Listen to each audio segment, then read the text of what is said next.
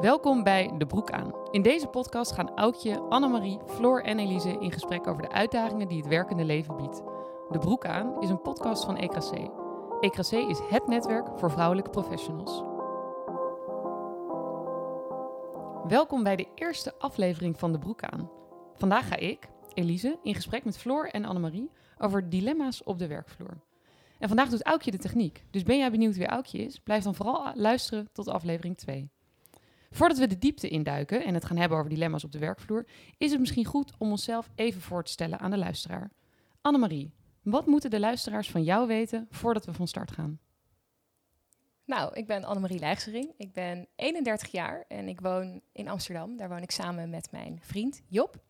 En in het dagelijks leven werk ik bij de Autoriteit Financiële Markten als toezichthouder. En daar hou ik toezicht op de financiële sector. Welkom. En Floor, wie ben jij? Dankjewel Elise. Ik ben uh, Floor inderdaad. Ik ben uh, 30 jaar. Ik woon in Utrecht. Uh, woon ik samen met Frank. we zijn ook nu in mijn huis voor de luisteraar. We zitten op het zolderkamertje deze podcast op te nemen. Dus hebben jullie een beetje beeld hoe we erbij zitten. En in het dagelijks leven werk ik voor de Tweede Kamerfractie van D66. Ik werk daar nu bijna vijf jaar en ik ondersteun Kamerleden in hun werk. En daarnaast ben ik teamleider van zeven medewerkers en zit ik in het campagneteam dat is nog eens even een lijst. Maar dan hebben we meteen een goed idee wie jij bent. En uh, toen ik deze podcast aan het voorbereiden was, dacht ik het is leuk. Want we wonen namelijk allemaal in een andere stad. Dus ik woon in Den Haag. Ik ben Elise van Zeeland. Ik ben 30 jaar. En ik woon in Den Haag samen met de liefde van mijn leven, Daan. En eigenlijk zou het al mijn man moeten zijn, maar vanwege corona is dat uh, nog niet gebeurd. Ze hebben dat nog een jaartje uitgesteld. Maar hè, wat in het vat zit, verzuurt niet, zeggen ze dan. In, in mijn dagelijks leven werk ik voor Shell op het gebied van schone energie. Dus ik ben veel bezig met wind op zee en met waterstof. En daarnaast ben ik uh, voorzitter van het Els Borst netwerk van D66. Zo kennen Floor en ik elkaar ook. En ik ben een van de oprichters van EKC. En ben jij nou benieuwd in welke stad Aukje woont? Blijf dan luisteren. Vandaag gaan we het hebben over de dilemma's op de werkvloer. En ik wil eigenlijk, uh, er komen twee, uh, twee thema's vandaag uh, bij ons langs, maar ik wil eigenlijk beginnen met een, een prikkelende. En het gaat namelijk over je salaris en beoordelingen. En de stelling is, mijn collega's weten precies wat ik verdien en wat mijn laatste beoordeling was. Ik dacht, je gaat beginnen met, nou meiden, vertel, wat verdienen jullie? Had ik ook kunnen doen, had ik ook kunnen doen. Maar ik dacht, dat is misschien nog iets voor later. Ja, nee, um, bij mij niet. En bij jou, Annemarie? Een deel wel, een deel niet. Ja, dus het is niet iets wat ik aan de grote klok hang, maar met een paar goede collega's bespreken we dat, bespreken we dat wel. Maar er heerst wel altijd een beetje ongemak als je het daarover hebt. Ja, dat is wel denk ik een herkenbaar iets wat we terug uh, gaan horen. Dat had ik zelf namelijk ook toen ik van tevoren over nadacht. Maar Floor, vertel eens, jij zei uh, bij mij niet?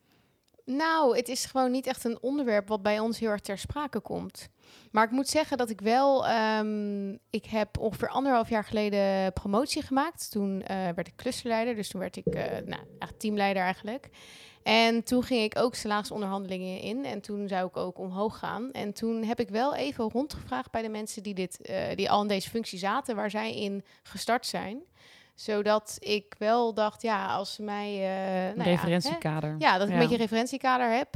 Uh, dus dat ik wel op die manier voorbereid was. En toen was het eigenlijk heel makkelijk om het daar met collega's over te hebben. Dus misschien zijn we ook gewoon een beetje te angstig om het erover te hebben. Ik kan zeggen, ik. heeft dat dan iets veranderd? Want uh, ik herken wel dat je namelijk niet heel veel met mensen over hebt.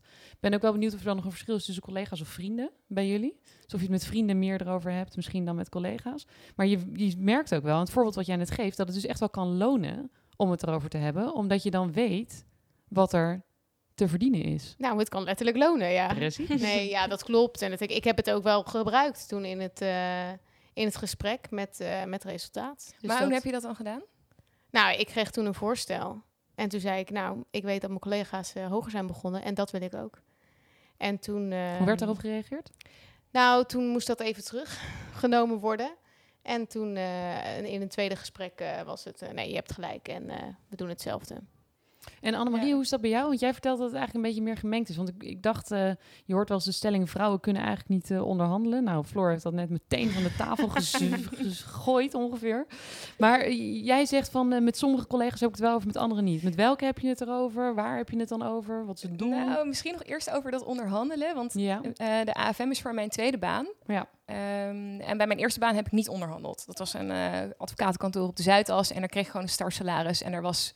Ik had in ieder geval de perceptie dat er geen onderhandelingsruimte was. Misschien was dat er wel, maar er werd in ieder geval gedaan alsof er niet was. En het is misschien en, de eerste baan. Dus dan accepteer je misschien wat je krijgt. Want ja. je niet echt onderhandelingsruimte. Ja. Maar toen had ik een overstap gemaakt van de private sector naar de publieke sector. Wat natuurlijk ook betekent dat je iets minder gaat verdienen. En uh, toen kreeg ik een aanbod. En toen dacht ik, ja, dat is wel iets minder dan, dan wat ik kreeg. En moet ik nu gaan onderhandelen of niet? Maar ik heb er echt lang over nagedacht of ik nou wel of niet moest gaan onderhandelen. Totdat mensen om me heen zeiden, tuurlijk moet je dat doen. Dat je probeer het. Je, kan, je hebt niks te verliezen. Ja. Dus ik heb toen echt een dag lopen voorbereiden van, nou, wat wil ik eruit halen? Ik wil 200 euro per maand, wil ik meer. Netto bruto? Uh, bruto, denk ik. Daar gaat hij al, ja. I don't know. um, maar dus toen heb ik er echt een dag over nagedacht van hoe ga ik het aanvliegen. En toen heb ik de recruiter gebeld. Zei ik van, nou, ik wil toch wel uh, wat meer. En toen zei ze, nou, waar denk je dan aan? Toen zei ik, ik denk hier aan. Toen zei ze, oh nee, geen probleem. Ja. En toen dacht ik meteen, shit, ik had hier veel meer uit kunnen ja, halen. Je had echt hoger kunnen in. inzetten. Dat, is echt, dat hoor je zo vaak inderdaad. Maar ook dat je net zei van, ja, ik snap het inderdaad bij je eerste baan, dat had ik ook heel erg. Maar je hebt altijd de perceptie van, nou, er zal vast geen ruimte zijn. Terwijl er is volgens mij altijd ruimte. En wat we volgens mij ook vaak vergeten is, je bent natuurlijk al binnen, want ze hebben jou aangenomen. Dus zij willen, zij willen jou ook. Ja, dus misschien moeten we daar ook wel wat harder in zijn. En dan als je dus inderdaad gaat inzetten, gewoon nog even een paar honderd erbij en kijken waar je uitkomt. Maar wat, want jij hebt het daarna met je collega's erover gehad. En hoe zit je in de benchmark, zeg maar? Hoe zit je ten opzichte van hun? Denk je achteraf nog steeds, ja, ik had er eigenlijk makkelijk nog uh, eh, 200 euro bij kunnen vragen? Ja, dus als ik het met collega's erover heb, dan heb ik het er met mijn uh, gelijken over. Dus niet met de mensen die boven mij zitten of met de mensen die onder mij zitten. En dan is dat uiteindelijk best wel gelijk. En zit er misschien verschil tussen 100 of 200 euro. Ja. Uh, maar dat is niet dat de een 3000 euro verdient en de ander 6000 euro of zo. Die verschillen zijn niet zo groot. En hmm. dat komt denk ik natuurlijk ook omdat je in salarisschalen ja. zit. En in, uh, ja, dat is allemaal gewoon helemaal ingedeeld. En daarbinnenin heb je wel wat ruimte. Dat is wel zo. Maar ik, ik ben benieuwd wat jullie daarvan denken. Maar ik las uh, een aantal artikelen hierover. En er zijn maar weinig bedrijven die echt transparant, zeg maar inzichtelijk maken wat de salarissen van hun medewerkers zijn. En er zijn ook heel veel blogs te lezen over, ook allemaal vrouwen die zeggen waarom ze het ook niet willen delen. Omdat ze denken, misschien voel ik me bezwaard, uh, misschien uh, stoot ik iemand voor het hoofd daarmee. En uh, hoe zien jullie dat, zeg maar? Heb je het wel eens met vriendinnen over je salaris? Of denk je, nou, daar hou ik toch wel heel erg privé, want sommige dingen moeten we nou helemaal privé houden, zijn we mee opgevoed? Ja, wat ik daar onwijs interessant aan vind, is dat ik weet dat het College voor de Rechten van de Mens heeft hier een paar keer onderzoek naar gedaan. En dan met name om te kijken naar um, verdienen mannen in organisaties meer dan vrouwen. En dat heet dan de, de payment gap, of hoe ja. dat, de loonkloof in het Nederlands. En wat ze daar dan, wat dat college dan telkens eigenlijk concludeert in verschillende sectoren, is dat die loonkloof er is in Nederland. Is ook een feit. Ja. Dat is een feit. en volgens mij is die uh, eh, 15% En als je dan bepaalde correcties meeneemt voor leeftijd en opleiding, dan is dat een kloof van 5% in de publieke sector en 7% in de private sector. Dus dat is nog best wel veel. Ja, maar dat vind ik dus wel interessant. Hoe komt dat dan? Komt dat dan omdat wij, lager wij vrouwen lager ingeschaald worden? Of inderdaad, kunnen wij gewoon niet onderhandelen? Ik denk eigenlijk dat het het laatste is. Nou ja, of hebben we het er dus niet over met elkaar? Ja, dat Want kan als je het namelijk allemaal niet met elkaar erover hebt... en jij denkt bijvoorbeeld, hè, van jou als voorbeeld te nemen... ik ga onderhandelen en ik ga voor 200 euro uh, netto erbij. En je zou het met vriendinnen daarover hebben... en die zouden zeggen, joh, ben je gek? Uh, als ik dat zo afzet tegen wat ik hoor of wat ik zie... dan zou ik daarvoor gaan. Dus ik denk af en toe echt wel, er mist een stukje empowerment... omdat we, ik weet niet hoe het bij jullie is... maar je bent toch een beetje opgevoed met... je hebt het niet over salarissen, je hebt het niet over mhm. geld... Um, of in ieder geval, dat hang je niet aan de grote klok, laat ik het zo zeggen. Ja, dat houdt mensen misschien toch een beetje tegen om, om dat dan tegen elkaar te zeggen. Ik las ook dat soms mensen denken van ja, straks weet iemand wat ik verdien. En er wordt misschien wel uh, gedacht, oh nou, die kan de rekening wel pakken, weet je. Oh, echt? Ja, oh, dat stond online, ja. Volgens mij spelen daar twee dingen, specifiek als je naar vrouwen kijkt. Um, het eerste is dat af en toe inderdaad wel eens rondzinkt van ja, hè, vrouwen die, die, die onderhandelen minder, die gaan minder snel de onderhandeling aan. Uh, maar ook dat als vrouwen de onderhandeling wel aangaan, dat ze daar eerder voor worden afgestraft dan mannen. Ja, dat is uh, Dus je hebt volgens mij zo'n onderzoekje van een Amerikaanse universiteit, Waar dan de conclusie is dat als vrou- een vrouw die gaat onderhandelen over salaris wordt meer gezien als arrogant of bazig of Maar hoe door durft wie? ze? Want dan is het misschien ook wel interessant om, te, om je af te vragen. Want eh, ja, wie zit er dan aan de andere kant van de tafel? Dat is, daar zit waarschijnlijk het probleem bij de ontvangende partij. Ja, Ja, want als daar dus ziet. mannen zitten, die kunnen dat kennelijk van een vrouw niet handelen. Maar wat nou als er alleen maar vrouwen zitten? Ja, heb Hm. je dan misschien een ander gesprek? Ja, ik weet niet of dat onderzoek daar een, een verschil in heeft gemaakt, maar ik zou me goed kunnen voorstellen dat dat zowel mannen als vrouwen zijn. En dat als een, dus als een man de onderhandeling ingaat, dan is het, nou, hij heeft wel lef. Dat is wel lekker. precies. Ja, Hij is ook gewoon... Hij weet waar die Ja. voor staat. Ja. Maar hoe zit dat bij eh, beoordelingen bij jullie? Zijn je, ben je daar wel transparant over? Of open, laat ik het zo zeggen, richting collega's? Als je een beoordeling hebt gekregen aan het eind van het jaar? Nou, ik heb dat eigenlijk nog niet... Heb ik dat gedeeld? Nou, nee, niet echt. Als ik, ik kan me niet herinneren. Ik Dat dat zeggen, anders had je misschien wel een levendige herinnering Ja, aan. ja, ja, ja. Zo ja. lijkt het niet. Maar ik weet wel, want ik eh, beoordeel dus ook de mensen eh, die ik eh, in mijn team heb. Maar ik weet wel dat ze het met elkaar delen. Oh, ja. Dus ehm, tenminste van, van een aantal weet je gewoon, ja, het zijn gewoon, die, hebben, die zijn goed met elkaar, dus dat deel je met elkaar. En dat vind ik ook prima. Ik bedoel, dat is ook, ik denk er ook goed over na. En ik zorg ook wel dat ik goed kan eh, beargumenteren waarom ik iemand een bepaalde beoordeling geef. Sorry. Maar ehm, nou ja, houd daar wel rekening mee dat, dat, dat, ze, dat, dat er over gepraat kan worden. En ja, prima, denk ik. Annemarie? Ik praat daar met sommige mensen wel over, maar inderdaad niet met, met alle collega's. Terwijl ik, ik zou het echt onwijs tof vinden als dat helemaal transparant wordt. Ja. Als je precies kan zien wie wat verdient en eh, wie welke beoordeling heeft, heeft gekregen. Dan krijg je misschien allerlei privacy kwesties die, eh, Ja, nou ja, eh, die ook natuurlijk naar voren komen. Betalen kan natuurlijk Ja, al. Hè? Starbucks vind- doet het bijvoorbeeld. Maar Ja. ik, ik heb een tijdje in Londen gestudeerd. En toen ik daar ging eh, studeren, toen hadden we aan het begin een paper geschreven. En toen dacht ik, nou, eh, even vergelijken met mijn vrienden wat iedereen heeft gehaald. Ik was er helemaal klaar voor. Ik kwam echt aangehobbeld met mijn cijfer, zeg maar. Ik dacht, even kijken wat je benchmark is. Niemand wilde dat met mij delen. En Ja. toen dacht ik echt, eh, wat is dit? Maar Zeg waarom maar. niet, denk je? Omdat zij dus allemaal dachten, het is private.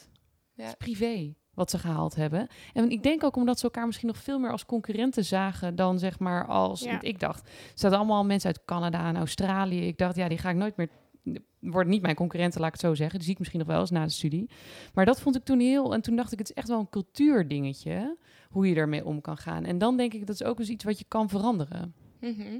Nou, en uiteindelijk denk ik ook om jezelf of elkaar te versterken, is het ook heel goed om te delen en om te kijken wat de benchmark is en waar jij, waar jij zit Ja, en waar je collega's zitten. Moet ik wel zeggen dat als ik meer vanuit de leidinggevende positie hierover nadenk, zou ik er wel moeite mee hebben als er, ehm, nou, bij wijze van spreken, een lijst op de deur komt te hangen met eh, zo is Ja. iedereen gerate. Nee, maar Ja. dat snap ik wel. Ja. Maar, maar dat is dus ja. eigenlijk wel wat je, wat je zegt, als iedereen daar transparant over moet zijn. Ook omdat je dan, je geeft ook wel eens een niet zo goede beoordeling. En hoe komt zo iemand dan in de groep? En daar wil je iemand ook voor kunnen beschermen. Dus Zeker, maar Ik ik, vind het denk ik over. anders qua beoordeling en salaris, als je het mij Ja, persoonlijk vraagt. oké. Omdat ik Ja. salaris iets vind waarvan ik denk, nou, die, die loonkloof die er is, die moeten we ook inzichtelijk maken. Ja.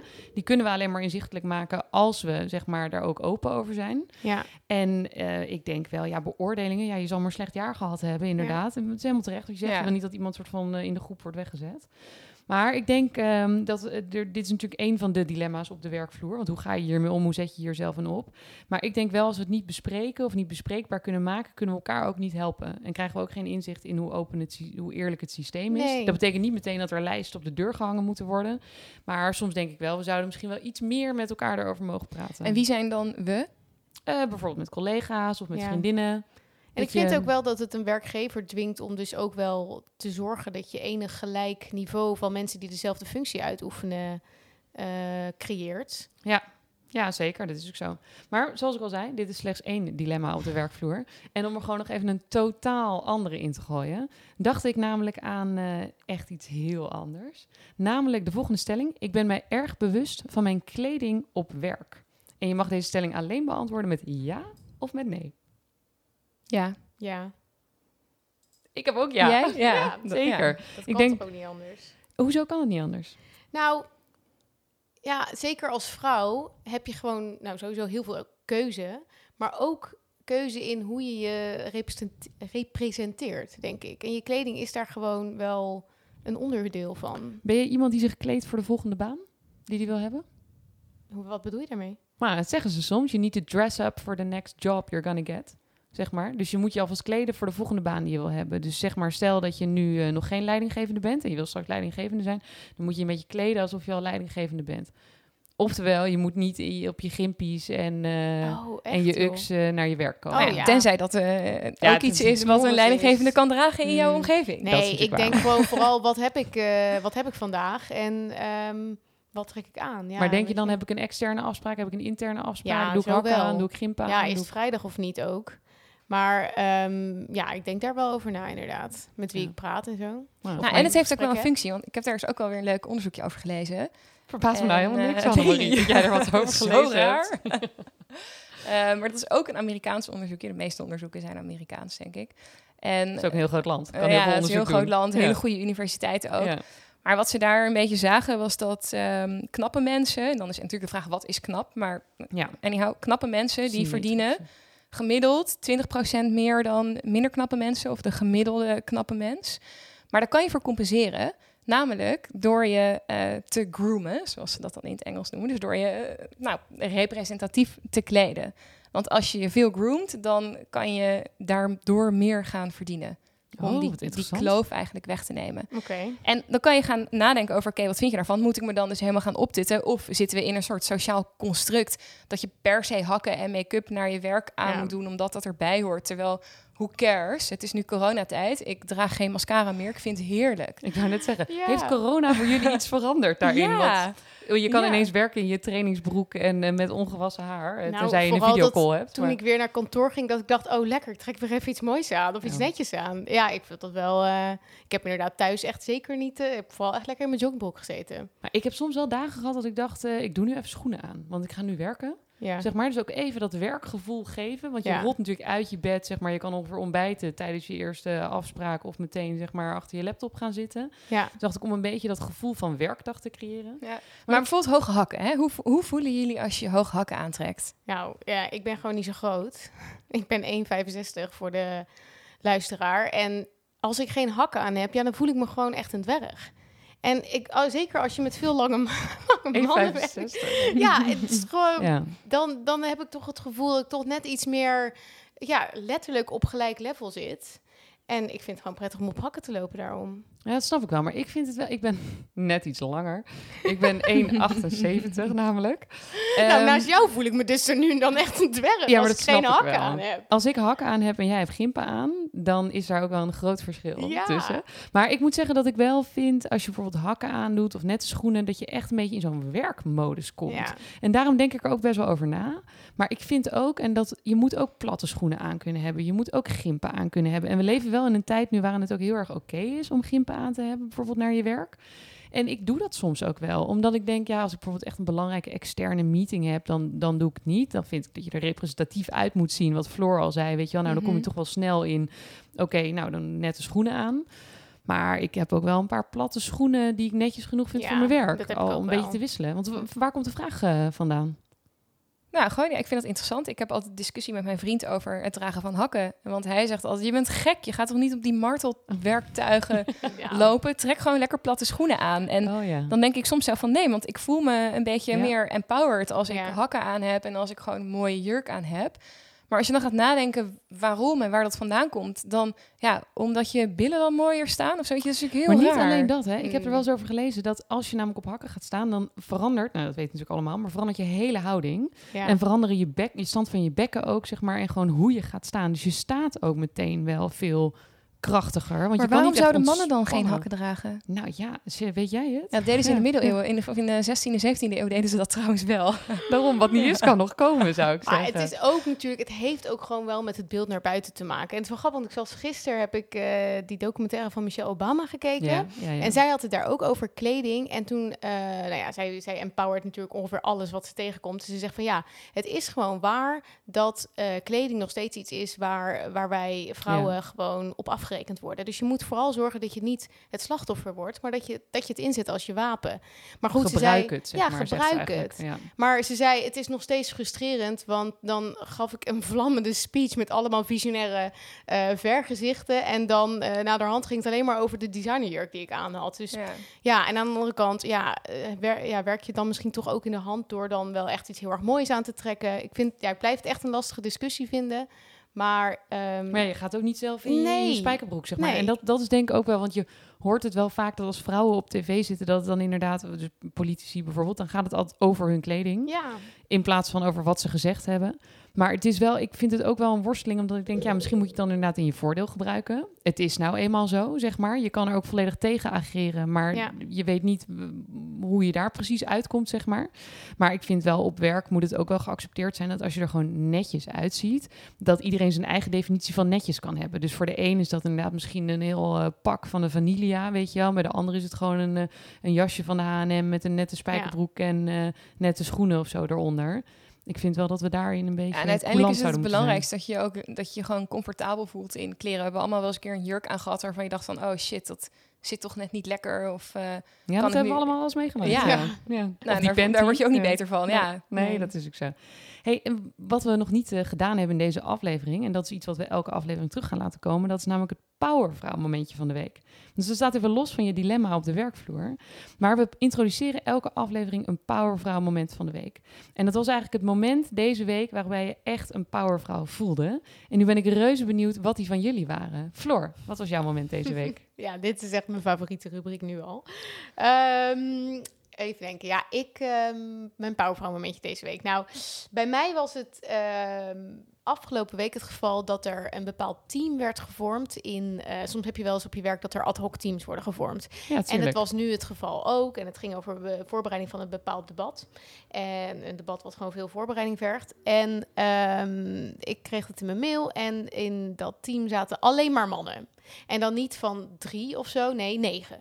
Oh, dus ja. dat je denkt, dat zijn er best veel. Hè? En we hebben hier toch ook wel wat eh, mensen van het andere geslacht rondlopen. Dus toen dacht ik, ja, ik ga hier toch wat van zeggen. En het is heel grappig, want ik heb het tegen twee mensen gezegd. En ik kreeg zulke verschillende reacties. En tegen de ene, de eerste tegen wie ik het zei, die zei... Ja, daar ben ik me van bewust. Maar ja, we hebben gewoon niet... eh, ik, ik zie gewoon geen goede vrouwen hier die hier aan toegevoegd kunnen worden. Oh, een beetje zoals Rutte. Zo. Dus Ja. ik, maar ik was echt flabbergasted en ook een beetje met mijn bek vol tanden. Dus ik, ik later denk je dan, oh, ik had echt dit moeten zeggen of, eh, of dat. Weet je, ik denk dan van, kijk eens wat creatiever of, nou ja, Tuurlijk, en ze whatever. zijn Of- er ook echt wel. Nou ja, dat precies. En toen ging ik naar iemand anders en die zei meteen, dat kan niet. Nee, dat, eh, dat kan niet. En eh, ik ga dat nu ook mailen en eh, desnoods geef ik mijn eigen plek op. Dit vind ik niet oké. Toen dacht ik, het is zo wonderlijk hoe... Dit waren twee mannen trouwens, Mhm. uiteraard. Maar hoe verschillend er ook op gereageerd kan worden. En vooral bij die eerste reactie dacht ik echt... Jezus, je moet, we moeten soms echt nog zo hard vechten. Want je wordt gewoon... En dan, dan- ben je iemand die ze... Nou, hoe, hoe speaks up, zeg maar. En dan word je gewoon weer baf, teruggeduwd in je hok. Ja. Ik, ja, nou Maar die andere reactie laat ook wel zien dat Ja. iemand die het zelf misschien nog niet ziet, Ja. het door zo'n opmerking wel gaat zien. ja, precies. En dat iemand meteen denkt, oh, dan moet ik misschien mijn plek opgeven. Wat dan Ja. ook misschien niet helemaal jouw bedoeling was. Maar wel iemand die dus denkt, hoe kan ik handelen Ja. op basis van wat ik nu hoor. Ja, dus dat was heel fijn. Dus mijn powervrouw was meer van... Ik vond het gewoon goed dat ik gezegd had. En uiteindelijk ook met resultaat. Ja, het Maar loont. ook wel weer heel interessant Ja, maar er mooi. gereageerd kan worden. Goed om je zo, eh, zo uit te spreken. En Annemarie, wat was jouw powervrouw moment van de week? Ja, heel anders. En eh, was ook, moet ik toegeven dat het niet deze week was, maar een paar weken geleden. Eh, ik ben namelijk deze coronatijd doorgekomen door een klusproject op mijn dakterras te doen. En ik ben Zelf? eh, zelf, Ja. zelf. En ik ben dus weekenden lang ben ik dan allemaal hele grote plantenbakken aan het zagen en aan het boren en aan het bijtsen. En ik ga een groot zonnescherm bouwen. Dus ik heb allemaal lopen meten en passen en naar de gamma geweest en zo. En eh, op een gegeven moment was ik daar boven aan het zagen en bezig. En toen was mijn vriend was het eten aan het koken. En toen voelde ik me echt een powervrouw. Dat ik, yes, hier sta ik gewoon met die zaag in mijn handen. Terecht. Dacht, ik fix dit wel Ja. even. Ook Heel chill terecht. dat hij er gewoon lekker staat te koken, inderdaad. Ja, dus eh, als je het ook hebt over traditionele rolverdelingen, dan was dat echt 180 graden gedraaid. Maar het is ook wel grappig dat je dat dan echt eh, nog steeds een powervrouw doet voelen. Hè? Dat als Ja. die, dus nog steeds is die traditio- traditionele rolverdeling is er gewoon dus nog steeds. Tuurlijk is die er, maar het is natuurlijk wel echt genieten. Als Ja, jij staat te borren en te tuurlijk. zagen en iemand anders staat te koken. En dat is dan toevallig de man. Ja, dit mag ik natuurlijk niet vertellen, maar toen kwam je op een gegeven moment boven en zei ik, help je mee? En toen zei hij, ja, hoe moet ik dan precies zagen? Dus toen ging ik hem zo laten zien hoe we moesten zagen. Supergoed. Oh, wat een heerlijk powervrouw moment is dit. Echt ontzettend goed. En deze rubriek komt dus elke aflevering terug. Maar als jij natuurlijk al je powervrouw momentje wilt delen, terwijl je niet zeg maar in deze podcast zit, maar ernaar luistert, doe dat dan vooral. Eh, zo helpen we elkaar allemaal, eh, allemaal verder. En we komen eigenlijk aan het eind van de eerste aflevering van De Broek aan, van EKC. Dus eh, dank Floor en uh, Annemarie. En voor de luisteraars hoop ik natuurlijk dat ze door willen naar de volgende aflevering. Je luisterde naar De Broek aan, een podcast van EKC. EKC is het netwerk voor vrouwelijke professionals. Wil jij hier meer over weten? Volg ons via LinkedIn, Instagram of onze website. En vergeet je niet te abonneren op deze podcast. Reageren mag altijd, dat vinden we heel leuk.